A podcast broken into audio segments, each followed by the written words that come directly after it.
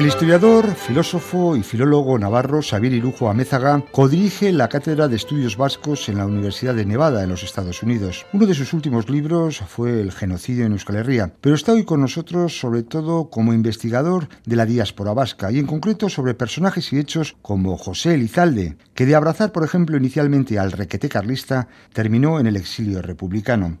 Tenemos a este navarro, criado en Pamplona, eh, de la familia del Bolino de Oricaen, José Elizalde, con una vida realmente intensa y apasionante. ¿Quién era este personaje? José Elizalde era un gudarí, básicamente lo fue toda su vida, a partir de 1936. Así se presentaba él. Yo lo conocí mayor, de hecho lo conocí de crío en el Centro Vasco de Caracas, pero bueno, lo entrevisté ya siendo un hombre mayor, de unos casi 90 años, en los años finales de los años 80, y vivía aquí en Pamplona y él se presentaba como Gudari. De todos modos, inicialmente se suma al llamado alzamiento nacional, ¿no? Se hace requete e incluso va a luchar con los requetes a Guipúzcoa. Sí, más que sumarse lo, lo cogen. Lo cogen, lo, lo, incluyen en algún batallón, no de forma voluntaria, sino a la fuerza, digamos, como muchos otros. Hay que tener en cuenta que Navarra estaba tomada. Entonces, cuando se habla de voluntarios, algunos habría, pero yo creo que la mayoría eran reclutas, digamos, forzados, ¿no? Y sí, le toca entrar en Donosti, de hecho, es uno de los que entran el 13 de septiembre en Donosti. De ahí le toca luchar todo el frente guipuzcoano. Luego, ¿cómo él pasa, digamos, de defender la bandera de San Andrés, digamos, a la Icurriña, ¿no? Porque se hace Gudari, como comentas. Cuando están a la altura de Arrasate, en los montes de alrededor de, de Arrasate, él, un día de guardia, le toca ver cómo unos gudaris eh, alzan una icurriña y la blanden y eso le llega muy hondo. Él era nacionalista, era afiliado de ELA antes de la guerra, etc. Y decide decir al sargento de turno, un tal Gago, que él cree que los nacionalistas van a intentar una ofensiva y entonces se presenta voluntario para ver a ver qué fuerzas hay con la intención de pasarse. Y este sargento le dice que es muy buena idea, incluso casi casi los condecoran a él y a un tal Pérez Aguirre por bueno, acercarse a las líneas enemigas a contar pues, las ametralladoras, etc. Su intención era pasarse al otro bando. Era la intención de Lizalde. Elizalde no sabía que el otro, que el que estaba al lado suyo, también tenía intención de pasarse. Y así, así lo hacen. En una escaramuza entre los dos bandos se quedan en medio y finalmente se pasan al bando de la República y terminan en Eusko de Ostea. Acaba la guerra civil y llega la guerra europea, ¿no? Y también tiene un protagonismo importante, ¿no? Él se hace resistente, ¿no? Contra los nazis en Francia. Sí, él pasa, bueno, tiene una historia muy rocambolesca. Este está en todos los ejércitos prácticamente preso o luchando de 1936 al 45. Para él fue una sola guerra, como para muchos vascos. Pasa a Barcelona y lucha en la división pirenaica famosa, en la batalla, en el contexto, digamos, de la batalla por Aragón y después ya pasa al Estado francés y ahí están los campos de concentración de, bueno, de Cataluña Norte y después en Gurs. Cuando empieza la Segunda Guerra Mundial es capturado por los alemanes y lo llevan a construir búnkers a Calais y está en diferentes partes del muro atlántico construyendo búnkeres, pero se escapa una vez más y eh, pasa a actuar en la resistencia francesa de forma totalmente accidental y sin hablar una sola palabra de francés. Él dijo siempre que cuando alguien hablaba francés desconfiaban de esa persona. Por lo tanto, los núcleos de resistencia en el que él estuvo eh, se hablaba euskera o se hablaba castellano, pero no francés. Y posteriormente pasa a formar parte del batallón Guernica. A través de estas redes de la resistencia contacta con el gobierno vasco y lucha en Point de Grave, cerca de Burdeos, y ahí es ligeramente herido. Fue herido varias veces, pero no tenía muchas heridas de guerra realmente para lo que le tocó luchar. Digamos que luchó en al menos cuatro frentes diferentes, contra al menos cuatro ejércitos diferentes. Incluso derribó un avión en el contexto de la guerra, junto con otros. No sé quién disparó la bala que derribó un avión el creo que era 26 de mayo de 1937, pero incluso llegó a hacer eso. Pasa el charco, digamos, y va a los Estados Unidos, va también a Latinoamérica, concretamente a Venezuela, donde fue incluso secretario del Centro Vasco de Caracas. No obstante, también se alista en el ejército norteamericano. Sí, al término de la guerra, muchos de los voluntarios del batallón Guernica y otras personas, todos ellos voluntarios, se alistan en el ejército norteamericano, en este caso a través del gobierno vasco. Digamos que José Lizalde entra a formar parte de estas unidades militares siempre de mano del gobierno vasco. Entonces termina la guerra, mayo de 1945, agosto realmente del 45, en el Palacio Rothschild, que está a unos 45 kilómetros de París, adiestrándose en unas unidades de marines. En principio, la idea era, como he sabido, una posible intervención en el Pirineo, etcétera, o directamente llevarlos al Pacífico, al Teatro de Operaciones de Japón. Pero bueno, la primera no se llevó a cabo nunca y la guerra terminó con la bomba atómica, de forma que no se llegó a efectuar ningún desembarco en Japón. El caso de José Lizalde es uno de los casos muy paradigmático ¿no? sobre vascos que acaban enrolados en otros ejércitos, tanto europeos como americanos. ¿no? Pero también hay otros casos, por ejemplo, como José Eguren, que vamos a comentar en un momento, pero de quizá la forma de actuación eh, era entre acuerdos entre el gobierno vasco en el exilio y también el gobierno norteamericano. ¿Cuáles eran los elementos que hacían esa conjunción institucional? Sí, como dices, en el caso de José Eguren o en el caso de Pete Naruza, en ambos dos, y esto hay que subrayarlo, entran a formar parte del ejército americano, Pizzenaruza en la aviación naval y Eguren como marine, para vengar lo que los alemanes habían hecho en Guernica. Pero lo hacen de forma individual. Se presentan como vascoamericanos con pasaporte americano de la época y pasan a servir en el ejército norteamericano sin ningún vínculo con ningún otro vasco, digamos, especial o, por supuesto con ninguna institución vasca. No es el caso de otros muchos eh, gudaris antiguos gudaris que pasan a formar parte de unidades de agentes secretos, por ejemplo, durante la Segunda Guerra Mundial, a partir de mayo de 1942, digamos, bajo el paraguas de los acuerdos de colaboración que había firmado el gobierno vasco con la administración americana. Y esto venía un poco de atrás. De hecho, digamos, el batallón Guernica forma parte de toda esta negociación a lo largo del tiempo. ¿Eh? de la administración vasca, de las diferentes administraciones vascas con las administraciones británicas primero y después norteamericanas, de Roosevelt y de Truman. Eh, de acuerdo a los acuerdos de colaboración que firmó el gobierno vasco con el gobierno británico, a través de Lord Boothby, con el gobierno de Churchill, si Franco entraba en la Segunda Guerra Mundial del lado del eje, el gobierno británico aceptaría la constitución de una República Vasca independiente en Europa y aseguraría su constitución. Ese acuerdo está firmado. Pero al mismo tiempo, los británicos pensaron que sería mucho más económico y mucho más viable pagar digamos, a Franco para que no entrara en la Segunda Guerra Mundial. Eso no quiere decir que el primer acuerdo fuera papel mojado apostaron a dos juegos y este segundo salió mejor.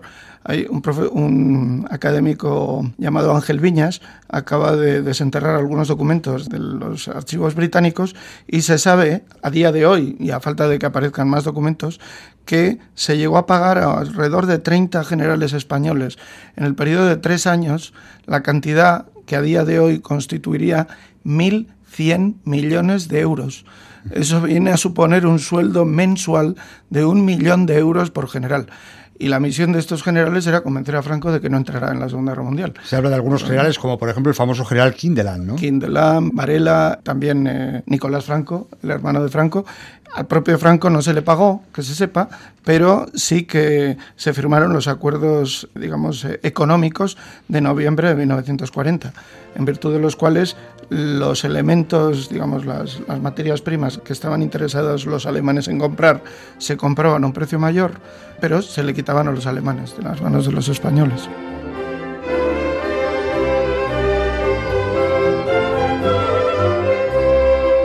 Estamos conversando con Xavier Irujo, él es codirector del Centro de Estudios Vascos en la Universidad de Reno, en Nevada, ¿no? en los Estados Unidos. Pero vamos a ir un poco con personajes vascos que participaron, se enrolaron y estuvieron muy presentes en la historia de los Estados Unidos, fundamentalmente ya en la segunda parte del siglo pasado. ¿no? Por ejemplo, José Eguren llegó a ser teniente, o por lo menos suboficial del ejército americano. Sí, José Eguren sufrió mucho a consecuencia del bombardeo de Guernica. Él no lo vivió, pero parte de su familia sí lo hizo, eran de esta zona de Vizcaya y cuando comienza la Segunda Guerra Mundial, después del bombardeo de Pearl Harbor, decide enrolarse. Tiempo después, muchos años después, escribió sus memorias tituladas Caspar y ahí cuenta cómo tuvo muchísimos problemas porque él no era americano, en aquel tiempo había bastante racismo dentro del ejército, era un hombre grande, en un principio los hombres a sus órdenes no le querían obedecer porque no era americano, tenía un inglés roto, eh, lo que podemos decir un inglés roto, etcétera, y todo aquello lo arregló a base de una buena pelea con algunos de sus hombres a los cuales castigó físicamente.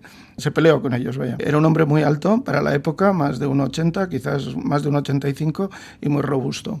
Bueno, le tocó luchar en lo peor del contexto de lo que era el Teatro de Operaciones Europeo, la batalla de las Ardenas en, torno a Bastogne, etc. Y bueno, como cuenta en su libro, fue herido, en este caso gravemente herido, estuvo hospitalizado muchas veces por periodos largos y sobre todo le tocó vivir aquellas noches intensísimas de, 15 y 20 bajo cero en el frente alemán, enfrentándose con prácticamente fusiles a los panzer alemanes. Y todo eso lo cuenta en el libro, es muy intenso, muy interesante. Otro personaje, Luisa Chaval, que fue, llegó a ser técnico de transmisiones. Eso es, técnico de transmisiones, pero en este caso no tengo yo noticia, eso no quiere decir que no sea así, que utilizar el euskera en sus transmisiones. Realmente el inglés de Luis también era un inglés roto, como el de José.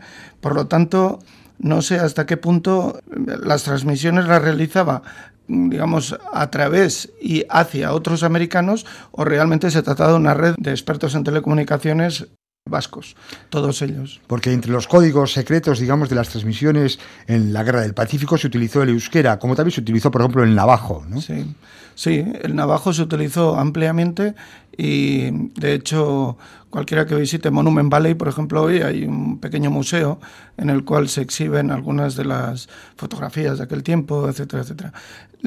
Con el euskera también se hizo y de hecho se sabe que en Guadalcanal se utilizaron eh, varias eh, emisiones en euskera en lugar de, transmisiones en código, como hacían japoneses, italianos o, o alemanes. El problema con las transmisiones en código era que, por ejemplo, los italianos nunca lo supieron, pero las transmisiones estaban totalmente captadas por los británicos desde 1936. O sea, los británicos tenían desde el 36, que se sepa, no solo eh, digamos, cableadas, sino transcritas y traducidas al inglés todas las informaciones que se pasaban por radio, muchas de ellas, en lo que respecta a la aviación, todas ellas, y hoy en día están al acceso público en los archivos de Q. Entonces era arriesgado. Los aliados eran conscientes de la vulnerabilidad de los códigos, cosa que parece que el eje no lo fue. Y ya un poco por ir concluyendo, bueno, vemos que efectivamente hubo esa relación institucional entre gobierno vasco, gobierno de Estados Unidos, pero también eh, hubo acuerdos de colaboración, por ejemplo, en servicios secretos. Sí. Hablamos de personajes como John Bilbao, ¿no? Exactamente. Eh, no sabemos el número concreto de agentes secretos que trabajaron en los servicios secretos del gobierno vasco en colaboración con la Office of Strategic Services, que sería algo así como la Oficina de Servicios Estratégicos eh, norteamericana, del ejército estadounidense. Pero bueno, fueron desde luego cientos, es posible que más de mil. El caso es que se llega a un acuerdo de colaboración con los americanos en mayo del 42, en virtud del cual estos agentes van a operar fundamentalmente en Latinoamérica, ayudando a que países que en aquel tiempo no tenían clara cuál iba a ser su vinculación en la guerra, tales como Argentina, Brasil, Chile, Uruguay. Uruguay estaba mucho más decantado por los aliados que los otros que he citado, pero fundamentalmente Argentina o Chile no se fueran a decantar por el eje. La propaganda, digamos, de estos países del eje era que los países del eje eran básicamente católicos, al menos muchos de ellos, Austria, Italia, España, Portugal, etc. Mientras que o satélites del eje, mientras que los países aliados eran todos cristianos, pero digamos de tradición evangelista o protestante. Y por ello, y ello explica que muchos de estos agentes fueron sacerdotes y que muchas de las revistas y la propaganda que se hizo en Latinoamérica se hiciera de mano de, de sacerdotes. John Bilbao no era sacerdote, obviamente, pero Trabajó en la revista belga, la famosa revista belga desde Nueva York, con artículos, escribiendo artículos sobre el posicionamiento, digamos, de la democracia cristiana, lo que iba a ser posteriormente la democracia cristiana, con los países aliados. Y sí que era sacerdote, por ejemplo, Pedro Goicoechea, que fue confesor personal de uno de los presidentes de Argentina y por lo tanto una persona de mucha influencia en esos medios, digamos, diplomáticos y políticos argentinos. Y esta persona colaboró con los servicios secretos hasta el final de la Segunda Guerra Mundial. De hecho, estos acuerdos se prolongan hasta 1949. Noviembre de 1949 es cuando se rompen los acuerdos a raíz de la creación de la CIA y de la Guerra Fría y de ya otros intereses, digamos, eh, geoestratégicos de los Estados Unidos en el marco latinoamericano. De todos modos, Xavier y Lujo, ¿qué veían los norteamericanos en los vascos para darles ese caudal de confianza? ¿no? Por ejemplo, también vemos que hay un batallón de reservas vascos. Había un especial interés por parte de, los vascos, ¿por qué? ¿Por confianza? por Había dos cosas. Por una parte, desesperación porque en contra de lo que nos pueda parecer, por lo que vemos en las películas, etcétera, ni los británicos ni los norteamericanos contaban con un servicio de espionaje eh, como el de hoy en día prácticamente no tenían agentes y desde luego no había una organización que los eh, organizara, que gestionara eh, toda esa labor. Hasta entonces era labor de las embajadas, básicamente el servicio de espionaje no era un servicio de espionaje profesional como es hoy en día. No había, como digo, una oficina de servicios estratégicos, etcétera. Claro, en aquel momento los vascos ya contaban con una red diaspórica en Latinoamérica. Y por eso podemos contar por cientos los agentes, porque en todos los centros vascos, en todas las capitales americanas había un centro vasco, en todos los países latinoamericanos había mucho más de 5 o 10 centros vascos y entre ellos estaban organizados, había una red. Y por lo tanto contar con esa red para el servicio aliado pues era era muy importante, hasta el punto de que lo subvencionaron al 100%. Todos estos servicios los pagaba el gobierno norteamericano. Eh, los pagos eran aproximadamente, venían a representar aproximadamente lo que a día de hoy sería medio salario ¿eh? mensual. De forma que estamos hablando de, mucho, de mucha inversión por lo interesante de los servicios. Xavier Irujo Amézaga, historiador, filólogo y filósofo que dirige la Cátedra de Estudios Vascos en Reno en Nevada. Con este sonido country nos despedimos. Es carricasco. Es carricasco, sueño.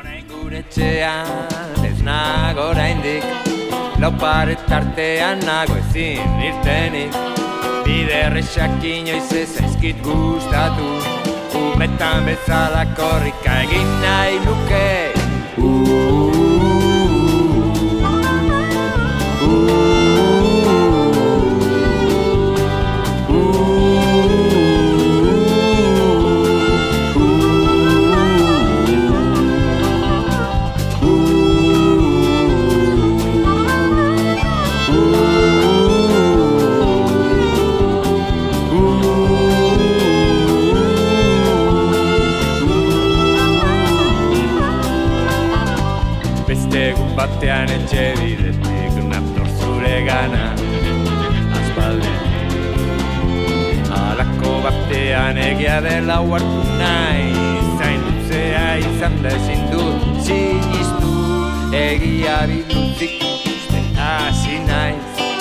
Zerbait aldatu zela uste nuen baina ez.